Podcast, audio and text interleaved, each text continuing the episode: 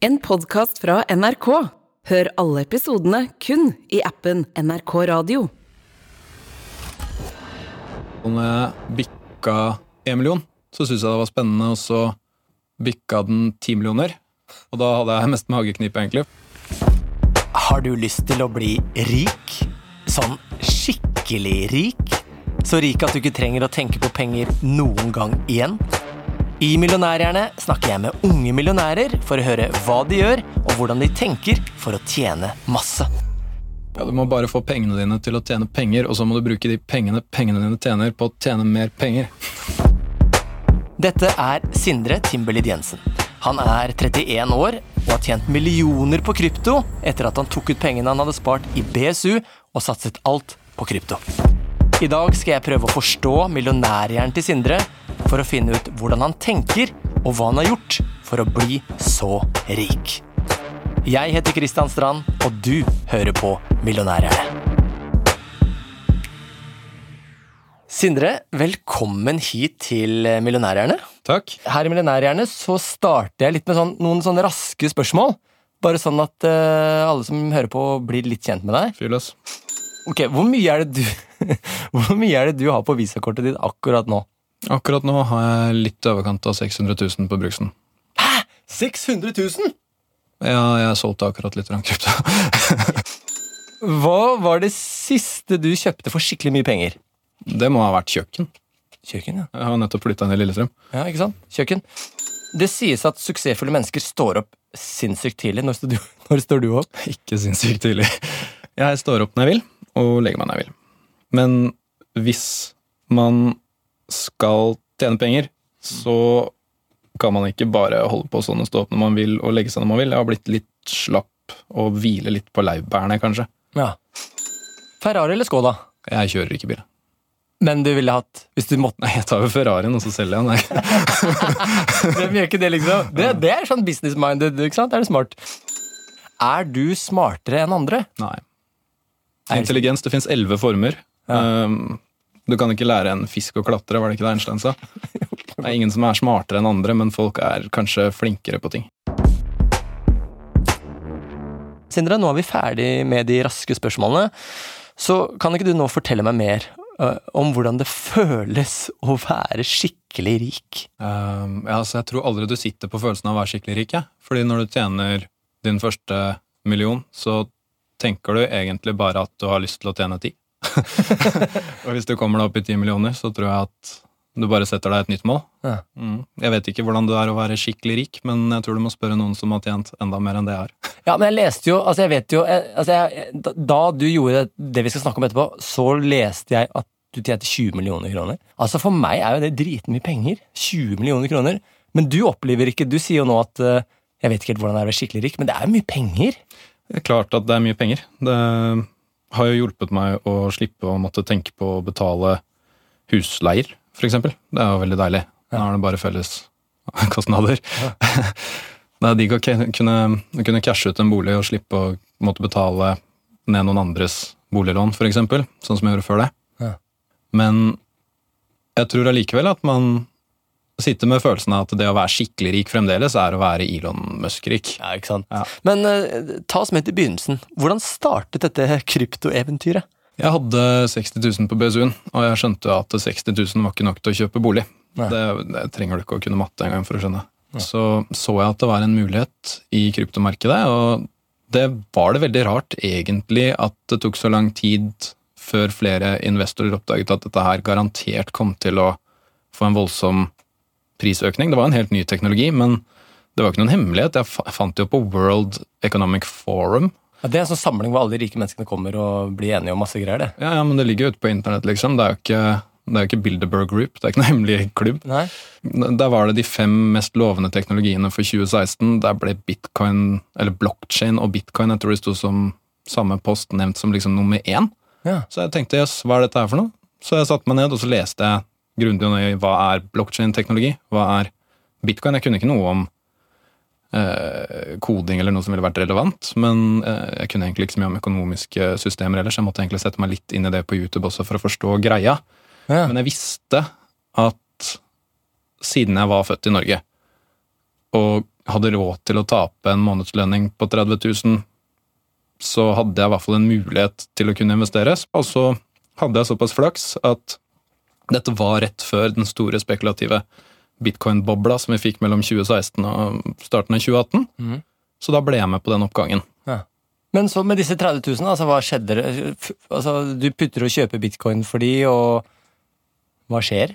Det som skjedde, var vel at eh, jeg og hun jeg var sammen med på den tiden, ble enige om at vi skulle investere mest i bitcoin, men bitte lite grann på Ethereum og litt andre greier og sånn også. Hva er de andre greiene, liksom? Hva snakker vi om da? Mm, ja, da snakker vi om Ripple, for eksempel, og uh, da var det noe som het uh, Hva var greiene? Det her er liksom helt i starten. Seacash, husker jeg det var noe som het. Men det, det er ingen som, jeg tror ingen investerer i Seacash lenger. Jeg vet ikke, Monero, selvfølgelig. Som det har vært mye snakk om i mediene i ettertid, for den har blitt brukt til så mye kriminalitet. Men det var ikke noe snakk om det da, for det var jo før den hadde Ja. blitt brukt til så mye kriminalitet. Ja, ja. Og så hva skjer da, da? Når du putter de penga inn i det? Det som skjer, er at jeg ikke følger med i timen, og så ser jeg bare på bitcoin-investeringen min, som jeg har på noe som heter Coinbase, og jeg ser på at den eh, vokser, samtidig som jeg har investert kanskje bare et par hundre kroner eller noe på en sånn børs som heter Poloniex i alle disse andre små kryptovalutaene. Mm. Og bitcoin-porteføljen min vokser jo fint, den, men så går jeg inn på Poloniex og ser at de par hundrelappene har blitt til 10 000 kroner, så hvis jeg hadde satt alt der i stedet, så hadde jeg tjent mye mer penger. Ja. Og da skjønte jeg at å ja, det er jo ikke bare bitcoin jeg må investere i, jeg er nødt til å rett og slett bare prøve å lage en portefølje som dekker hele markedet med sånne små mynter her, for dette her er jo helt vilt. Du begynte liksom å se at det er andre ting her også jeg bør putte penga på, enn den mest kjente valutaen, egentlig. Ja, egentlig. Fordi alle, alle hadde jo hørt om, om bitcoin, og bitcoin har gjort det helt strålende, den. Men jeg skjønte at hvis jeg skulle tjene store summer med en relativt beskjeden sum, så var jeg nødt til å mangetusendoble den. Så jeg fikk tak i en kamerat fra eh, barneskolen og ungdomsskolen, som jeg alltid har visst at har vært veldig flink med data og sånn. Så spurte jeg om han hadde hørt noe om eh, krypto. Ja. Og ja, det hadde han jo selvfølgelig. Han hadde jo allerede tjent ti millioner på dette her. Ja, det har jeg hørt om. Jeg har tjent ti mil på det. Ja. Så jeg spurte om ikke jeg kunne få, få et tips av han, og sa bare dø, hvis jeg skal investere i én eneste ting nå, hvilken da? Så da sa han en som heter Rayblox, som nå heter Nano. Hvor mye satte du i det da? Da tror jeg at uh, porteføljen min hadde vokst til at den var verdt rundt en 500 000, så jeg tror jeg tok 100 000 av det eller noe sånt, så satt i Rayblox. Mm. Og så eksploderte Rayblox i pris, da. Så den gikk vel en sånn Jeg husker ikke hvor mange ganger, men jeg, jeg husker i hvert fall når jeg bikka én million, så syntes jeg det var spennende, og så bikka den ti millioner. Og da hadde jeg mest mageknip, egentlig, for da var det jo bare skal jeg selge eller skal jeg ikke selge, typ.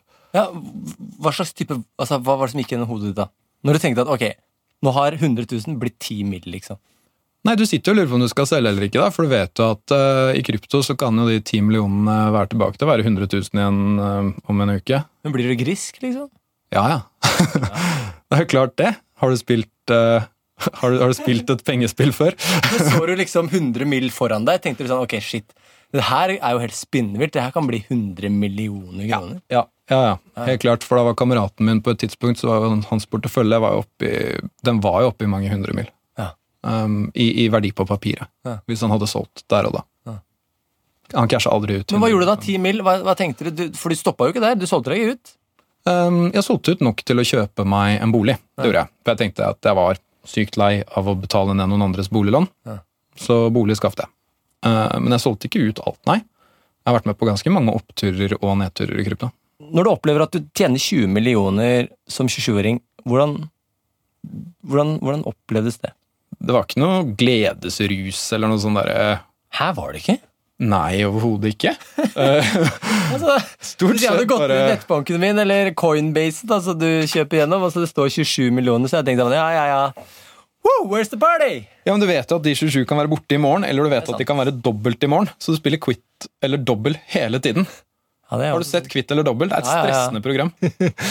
Men, okay, så, men stresset, det lot vel ikke suksessen, liksom Det tok ikke, la vel ikke en hel demper?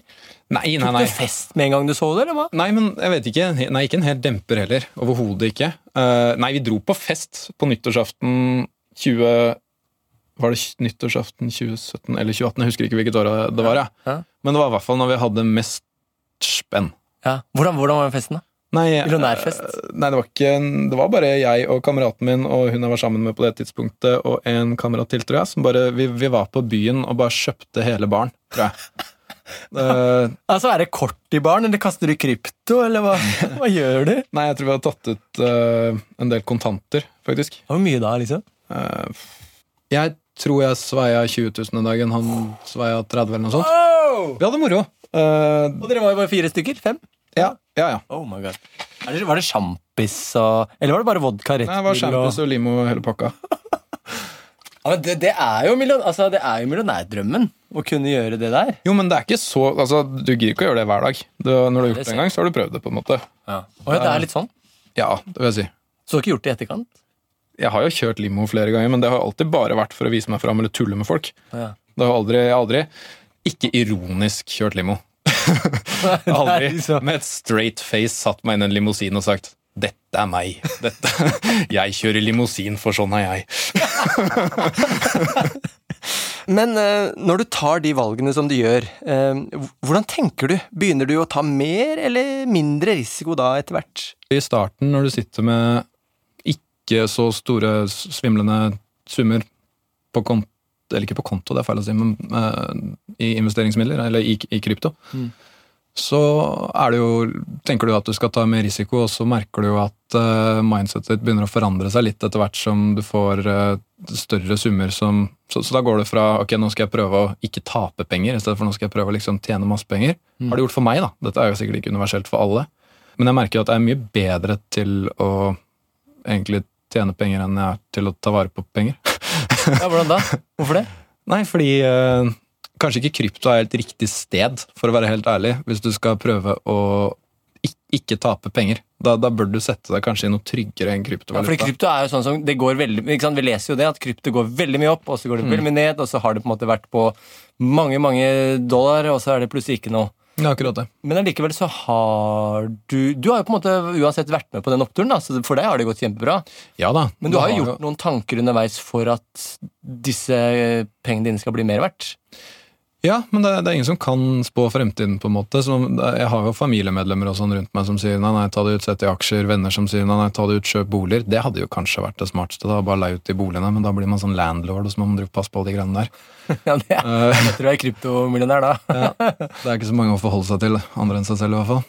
Unntatt lugubre spillere som driver børser som eh, stikker av med all kapitalen din og sånn. Det har jo vært litt av det. Ja, for jeg, jeg, jeg hadde egentlig tenkt å komme litt inn på det der med Når du velger krypto, som for mange kanskje oppleves som litt sånn dodgy Du sa jo det litt sånn innledningsvis også at noen valutaer har blitt brukt i litt uh, shady ting. Men det har jo vanlige penger også. Det har jo du glemme vanlig. det, Men har, var du redd for det, liksom? At eh, når du, putta, når du så at penga dine var blitt 10-15-20 millioner, shit, kanskje jeg blir rana digitalt, liksom?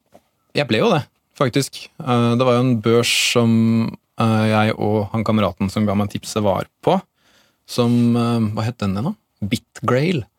Så vi, klarte heldigvis å få ut mesteparten av midlene våre fra Bitgrail før han eieren bare tok og stakk av med det han hadde igjen av midler der. Men det, jeg tror jeg tapte en sånn fire mil på det. Så det har vært rettssak mot de nå, da, nede i Italia. Så det er han kameraten min som stort sett har ført hele den rettssaken sammen med italians, eh, italienske, faktisk. Italienske Italiana. Italienske rettsvesen eller noe sånt. Jeg veit egentlig ikke, for det er han som har tatt seg av det, men han sa i hvert fall at um, det var faktisk eh, ganske god sjanse for at vi kunne få tilbake en del av det. Så det var fint. Men ok, en ting som jeg føler at alle som har tjent mye penger, det er at de, de er ikke redde for å satse. Ja, de er ikke redde for, som du sier, du er ikke, du, man er ikke redd for å tape da, på et eller annet punkt. Nei. Jeg har på en måte alltid vært litt sånn, å shit, nå har jeg 30 000, det har jeg ikke lyst til å tape. Mm. Hvordan er det man angriper, eller hvordan er det man lærer seg på en måte til å ikke være redd for å tape, eller ta risiko, da? Ja, det var der det begynte, da. Og det er der han kameraten min kom inn i bildet, på en måte. For jeg sa jo til han og Å, Eirik, nå har jeg Jeg husker ikke hva jeg hadde for noe, men jeg sa nå har jeg to millioner eller noe sånt. Da hadde vi bikka det punktet. Og så sa jeg til han hva, eh, hva, hva, hva gjør jeg, liksom? Hvordan Fordi du er jo oppe dør, hvor det, Jeg skjønner ikke hvorfor selger ikke du? Og han, sa, han bare tok meg på skulderen og så sa han tenk på det som, eh, som krutt, Sindre. Nå, nå skal du bare fortsette å skyte, det. Vi var ganske drita når han sa det, men det var alt han sa. og, og da når du får et sånt, eh, sånt råd, liksom, nå skal du bare fortsette å skyte, hva, hvordan, hvordan, hvordan tar hjernen din det imot, liksom? Jeg tror jeg mente at jeg bare skulle finne flere investeringsobjekter og bare fortsette å spre porteføljen, og ikke tenke at jeg skulle cashe det ut. Ja. Tror jeg var det han mente. Men du må jo ha noen egenskaper ved deg selv som gjør at det, Ok, krutt, skyting, det gjør at jeg satser i millioner her nå. Er du ikke redd for liksom Du er ikke redd for penger du, du bryr deg egentlig ikke om penga i seg selv, eller? Hvordan er dette her? Jeg syns jo det er digg å ha penger. Jeg syns jo det er sykt digg å alltid ha råd til det jeg har lyst til. Det er ikke noen tvil om det. Hvem er det som ikke liker det? Men jeg er ikke redd for å gå tilbake til å måtte ta meg en vanlig jobb. Jeg har jo hatt en vanlig jobb før. Ja. Det er ikke For det hadde jeg vært ganske redd Altså, jeg, jeg, altså, jeg tjener jo ikke mye penger eh, som halvt statsansatt, men de, de penga jeg har, de, de blir jeg litt sånn halvgnien på liksom at ehm, Hvis jeg skal på en måte satse noe så, på en aksje, eller et eller annet sånt, så må jeg jo tjene på det. Jeg blir veldig redd når markedet går ned. Jeg frykter jeg kan ligge våken etter, liksom. Så jeg er ikke typen som som egentlig kan bli veldig rik, fordi jeg tør ikke det. Men hvordan kommer man seg dit hvor du er? Jeg veit ikke om dette er helt på fallet, men jeg tenkte faktisk bare på Balloon Tower Defense. Jeg vet ikke om noen har spilt det før. Det er bare sånt spill der hvor det er en labyrint, der hvor det går masse sånne små fiender av forskjellige slag gjennom labyrinten. Og så starter du med ett tårn som skyter én pil på disse fiendene. Og hvis fiendene kommer seg gjennom hele labyrinten, så har du tapt. Og det tårnet det står kontinuerlig og skyter piler. Men hver gang en pil treffer en av disse fiendene, så får du litt penger. Og da kan du oppgradere tårnet ditt, og så skyter det litt raskere. Og så kan du kjøpe flere tårn, og til slutt så har du en hel by med sånne tårn som bare står og skyter piler på disse små fiendene. Og jeg prøvde å tenke litt på pengene mine på den måten. Ja. Jeg tenkte ok, nå har jeg 30 000, det er ett tårn. Nå må jeg kjøpe ett tårn, og så må jeg finne et bra tårn som klarer å, å vokse, da, selvfølgelig, ikke sant? Og dra inn mer penger. Og når det tårnet vokser og drar inn mer penger, så kjøper jeg da et nytt tårn for den gevinsten der, og prøver å bygge enda et tårn som drar inn mer penger. Og, men alt dette gjorde jeg jo i kryptomarkedet. da. Jeg har prøvd meg på investeringer utenfor kryptomarkedet, men der har jeg vært håpløst dårlig så langt. Så ting skal egentlig, altså Ved å bygge én ting, så funker den, og så ruller ting liksom litt av seg selv. Det er litt sånn tanke og Ja, du må bare få pengene dine til å tjene penger, og så må du bruke de pengene pengene dine tjener, på å tjene mer penger. Det, det, det, det hørtes nesten ut som sånn, ja, ikke sant? Men er det noen ting som du har kjent underveis i investeringen din at eh, Shit, det skal jeg aldri gjøre igjen. Ja, jeg har satset uh, litt på oppstartsbedrifter. Og tatt ut fra krypto når kryptomarkedet har gått nedover, og tenkt at jeg skal prøve å diversifisere porteføljen min på den måten. Mm. Men helt ærlig så hadde jeg tjent mye mer på å ikke gjøre det valget. Jeg har også prøvd meg litt på trading, men det som er med Forklar trading det, hva det er for noe. det altså, da, da tar vi daytrading, da. Ja. Uh, daytrading er Det er sånn Wolf of Wall Street. det er sånn Wolf of Wall Street. Ja. Det er sånn når du prøver å liksom uh, forutsi om grafer skal gå opp eller ned, og det kan være basert på Jeg husker ikke hva det heter engang, ja, men det er noe sånn der, eh, matematisk magi som folk driver og regner på ved å se på volumet av hvor mange kjøpere eh, det er på, på dette tidspunktet. Det er børshandel, altså du kjøper aksjer om de skal gå opp og ned. ja, nemlig, ikke sant? Men bare et tall som jeg bemerka meg, at det er nesten ingen som tjener penger når det kommer til daytrading, f.eks. Og det er um, jeg, jeg, jeg skal gi deg et tall, men det er sikkert feil. Men la oss si at 80 taper penger, da. Jeg Ja. tror det er mer enn det som taper penger i virkeligheten. Og, og, og det er bare en liten prosentandel som faktisk tjener på disse tingene her in the first place. Mm. Og du spurte meg i stad om jeg er smartere enn andre, men jeg tenker jo at jeg ikke er det. Mm. Så jeg kjøpte bare bitcoin og lot dem stå, fordi jeg tenkte at jo mer jeg tukler og styrer med dette her, Mm. jo flere dumme valg er det som tas med den greia her. Hvis jeg nå bare tar ett valg, så kan jeg la det stå, og så kan jeg vite at prosentvis så holder jeg meg i hvert fall unna de 80 prosentene som taper penger ved å drive og tukle fram og tilbake med investeringsmidlene, hvis jeg bare kjøper det og lar det stå, på en måte. Gir det mening? Ja, det gjør det. Ja. Så du, du er egentlig ikke så trygg på dine egne valg, med andre ord? Nei, hvorfor skulle jeg være det? Jeg sa det i stad, ingen kan se fremtiden. Er, eh, jeg er akkurat like trygg på, på fremtiden i morgen som en hvilken som helst annen person. Jeg vet ikke hva som kommer til å skje. Men da du leste deg opp på dette, så var du jo ganske trygg på at fremtiden skulle bringe deg eh, krypto og, og sånn sett, så du har jo på en måte en Ja, Det var det ene valget som jeg var trygg på. Ja. Det var at hvorfor i all verden er det ingen som kjøper, eh, kjøper krypto akkurat nå? Ja. Mm. Men når du har fått disse pengene, eh, som man har, du har kjøpt deg hus og, og, og lever det litt sånn gladere liv, da, kall det det, sånn økonomisk. Er det sånn, Blir man mett, på en måte, eller er det sånn at du tenker hele tiden at ah, nå skal jeg tjene enda mer penger? Nei, jeg har blitt litt mett. Um, jeg syns at det er eh, litt kjedelig å sitte og lese om krypto hele tiden. Det er ikke kjedelig å tjene penger. Nei, men det er morsomt å lage musikk. Jeg driver jo musikkstudio, vet du. Ja. Så grunnen til at jeg hadde lyst til å tjene disse pengene, var jo først og fremst sånn at jeg kunne gjøre noe annet enn å bruke tiden min på å bytte den mot månedslønninger. da. Mm. Det er, jo det er ingen som har lyst på pengene. det tror jeg. Hvis alle setter seg ned og faktisk kjenner hva de egentlig har lyst på, så er det jo ikke å sitte med masse papir i hendene sine. Det er jo et middel for å komme seg fra A til B. Og pengene er jo bare A, på en måte. Du vil jo være på B. Du vil være der at du gjør det du vil. Ja. Tiden din er jo viktigere enn pengene. Det er derfor du har lyst på de. Men, men har du endret deg etter at du ble rik, sånn tankemessig? Har du skjønt noe som ikke jeg har skjønt? Det vet jeg ikke, for jeg vet ikke hva du har skjønt. Jeg har ikke skjønt å bli rik, i hvert fall. Jeg anbefaler selvfølgelig alle å bli rike. Det er jo digg. Hvis man har muligheten til det, så må man ikke tenke at nei, nei, penger er ondskap, og jeg skal ikke ha de, og Hvordan finner man egentlig de mulighetene? Altså, Leser man seg opp på noe, eller for å bli god på noe? Ja, det, du må skaffe deg kunnskap om hva du driver med, og det gjelder alt. Hvis du skal bli fotballproff, så må du bli Da må du trene deg opp og bli skikkelig god. Hvis du skal bli olympisk idrettsutøver, så må du også det. Hvis du skal bli rik på krypto, så må du lese opp på krypto og forstå hva som foregår, for det er jo et spill, selvfølgelig. Og ja, det går på flaks, men man skaper også sine egne sjanser til å ha flaks. Ja. Og de skal Nei, det er jo klart at Åssen uh, skal man komme på et uh, eksempel på det? Um, for eksempel så skaper du dine egne målsjanser, da, som en fotballspiller eller et lag. Gir det mening?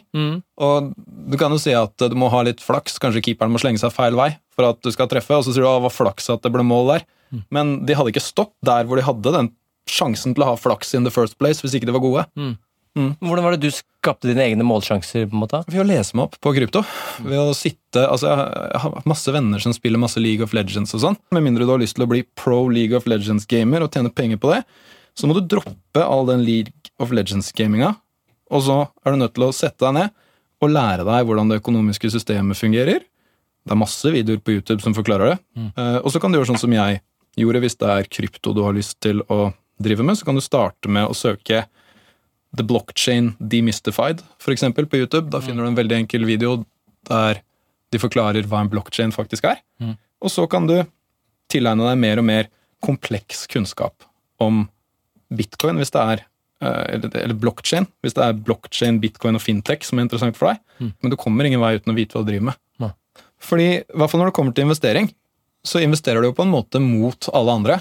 Mm. Så det er jo klart at det nytter å ha, ha kunnskap, fordi du ønsker jo å selge på et bedre tidspunkt enn de andre. Hva med i dag, da? Er du fortsatt all in på krypto? Jeg er fortsatt i markedet. Det er. Hvor mye, har du, hvor mye tør du liksom å ha der inne nå? Jeg varierer fra dag til dag hvor mye det er. Du putter litt inn og ut hver dag, eller? Nei. Kjøper du og Nei, nei, det gjør jeg ikke. Men det er jo klart at det er jo veldig volatilt. Ja. Det som er kult, er jo at bitcoin nå er verdt um, Har du en hel bitcoin? Har du? Kanskje det. Ja. En hel bitcoin. Det var ikke noe som het uh, Eller det var ingen som spurte har du en hel bitcoin da jeg begynte. i hvert fall. Det var, var ikke det mye. Det kosta en hel bitcoin 5000. Men er det sånn, tenker du at du skal satse videre? Du skal investere mer i bitcoin og, du skal, og alle disse kryptoene, eller er det Du, jeg vet ikke. Jeg liker å ha det gøy. Jeg syns ikke investeringer er spesielt morsomt. Det er jo mye morsommere å lage musikk, som jeg sier. Men igjen, hvis du skal kunne drive med musikk på heltid, da, Ja. fersk ut av eh, musikkutdanningen, så må du igjen ha råd til å kunne gjøre det. Så det jeg gjorde, var at jeg kjøpte en andel i et musikkstudio for blockchain-gevinsten som jeg satt på, og driver det nå.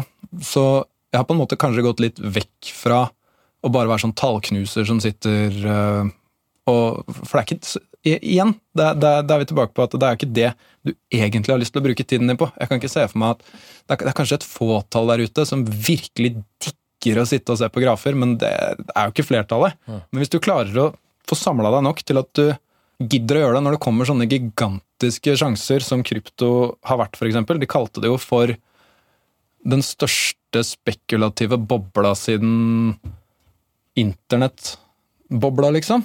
Eh, Dotcom-bobla. Og vi vet jo at det finnes mange dotcom-millionærer der ute, så jeg hørte jo bare det derre begrepet kryptomillionær ringe i hodet før, før jeg faktisk blei det. Og jeg tenkte det har jeg lyst til å være kryptomillionær. Og jeg tenkte at det blir det samme som å være en dotcom-millionær, bare at dette er min, min tids dotcom-millionær, på en måte.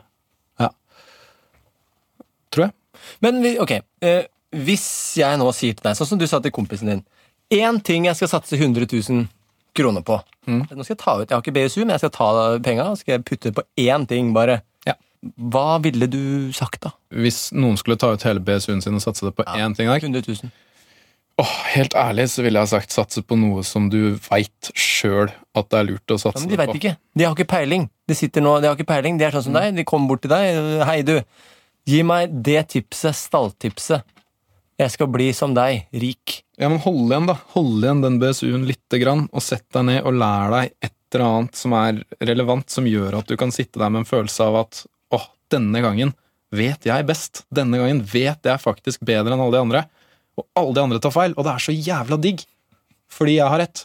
Hvis du sitter med den følelsen, og det handler om et investeringsobjekt Ja. Jeg vet ikke om dere har sett eh, The Big Short, men der handler det om at hovedpersonen han sitter jo og har funnet ut at liksom det mest populære investeringsobjektet, som skal være det tryggeste i USA, som er basert på folks huslån, som tydeligvis i gåseøyne ingen har problemer med å betale på, betale ned.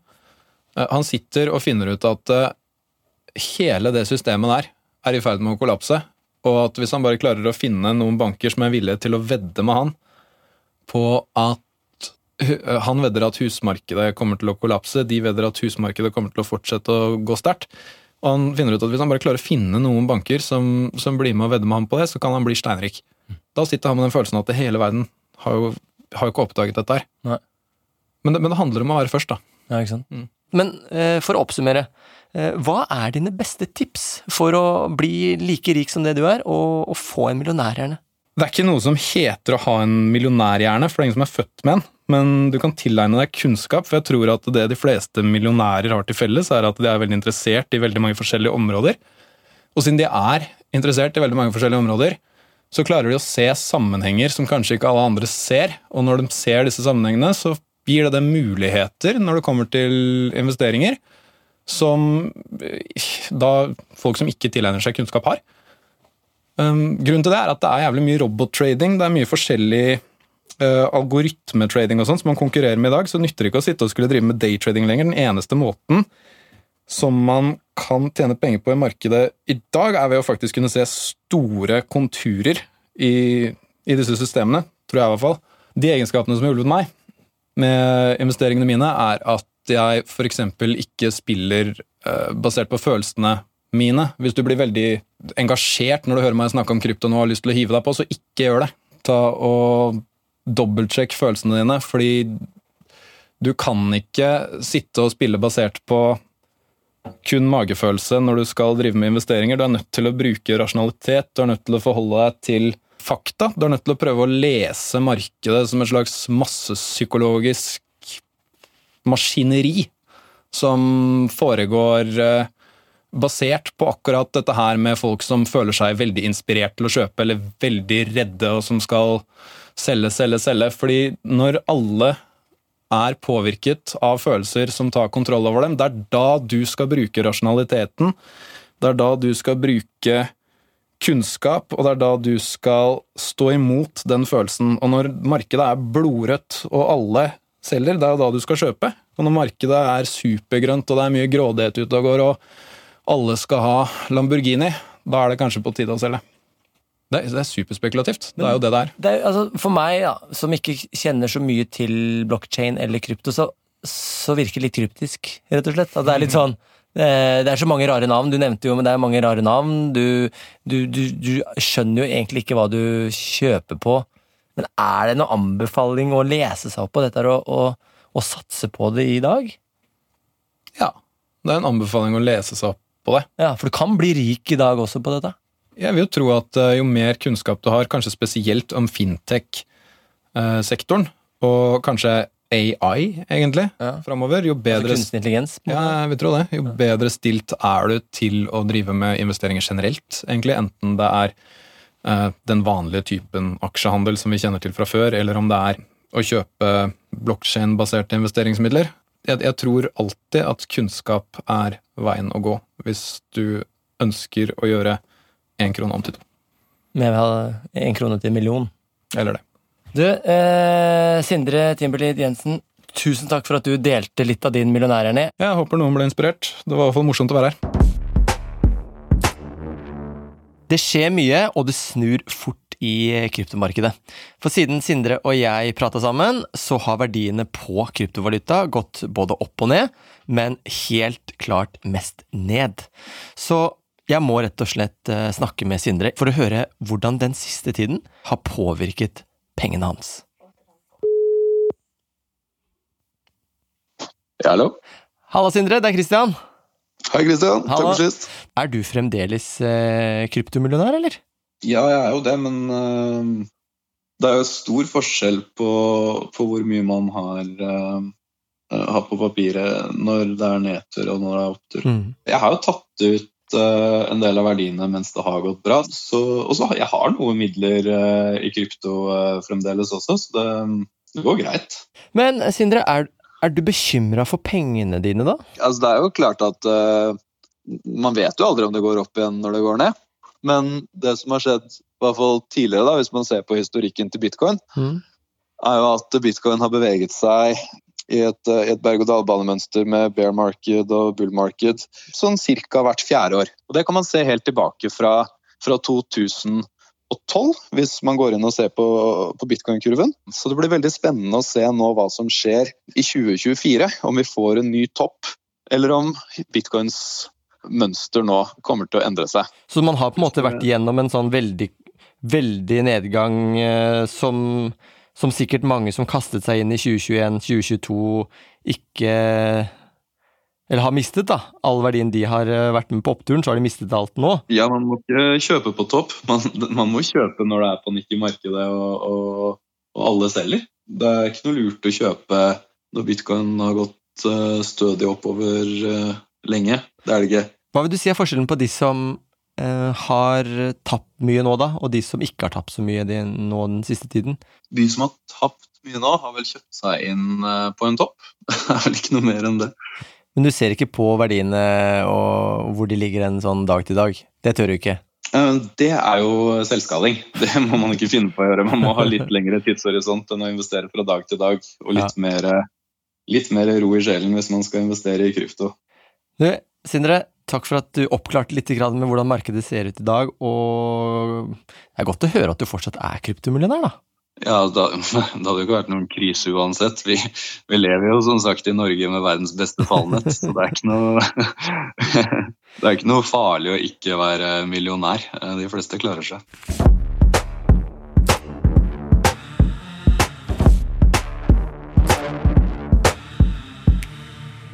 Denne podkasten er produsert av Freemantle Podcast for NRK.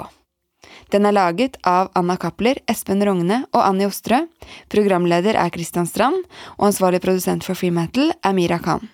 Prosjektleder i NRK er Halvard Jacobsen, og redaktør er Randi Helland. Du har hørt en podkast fra NRK.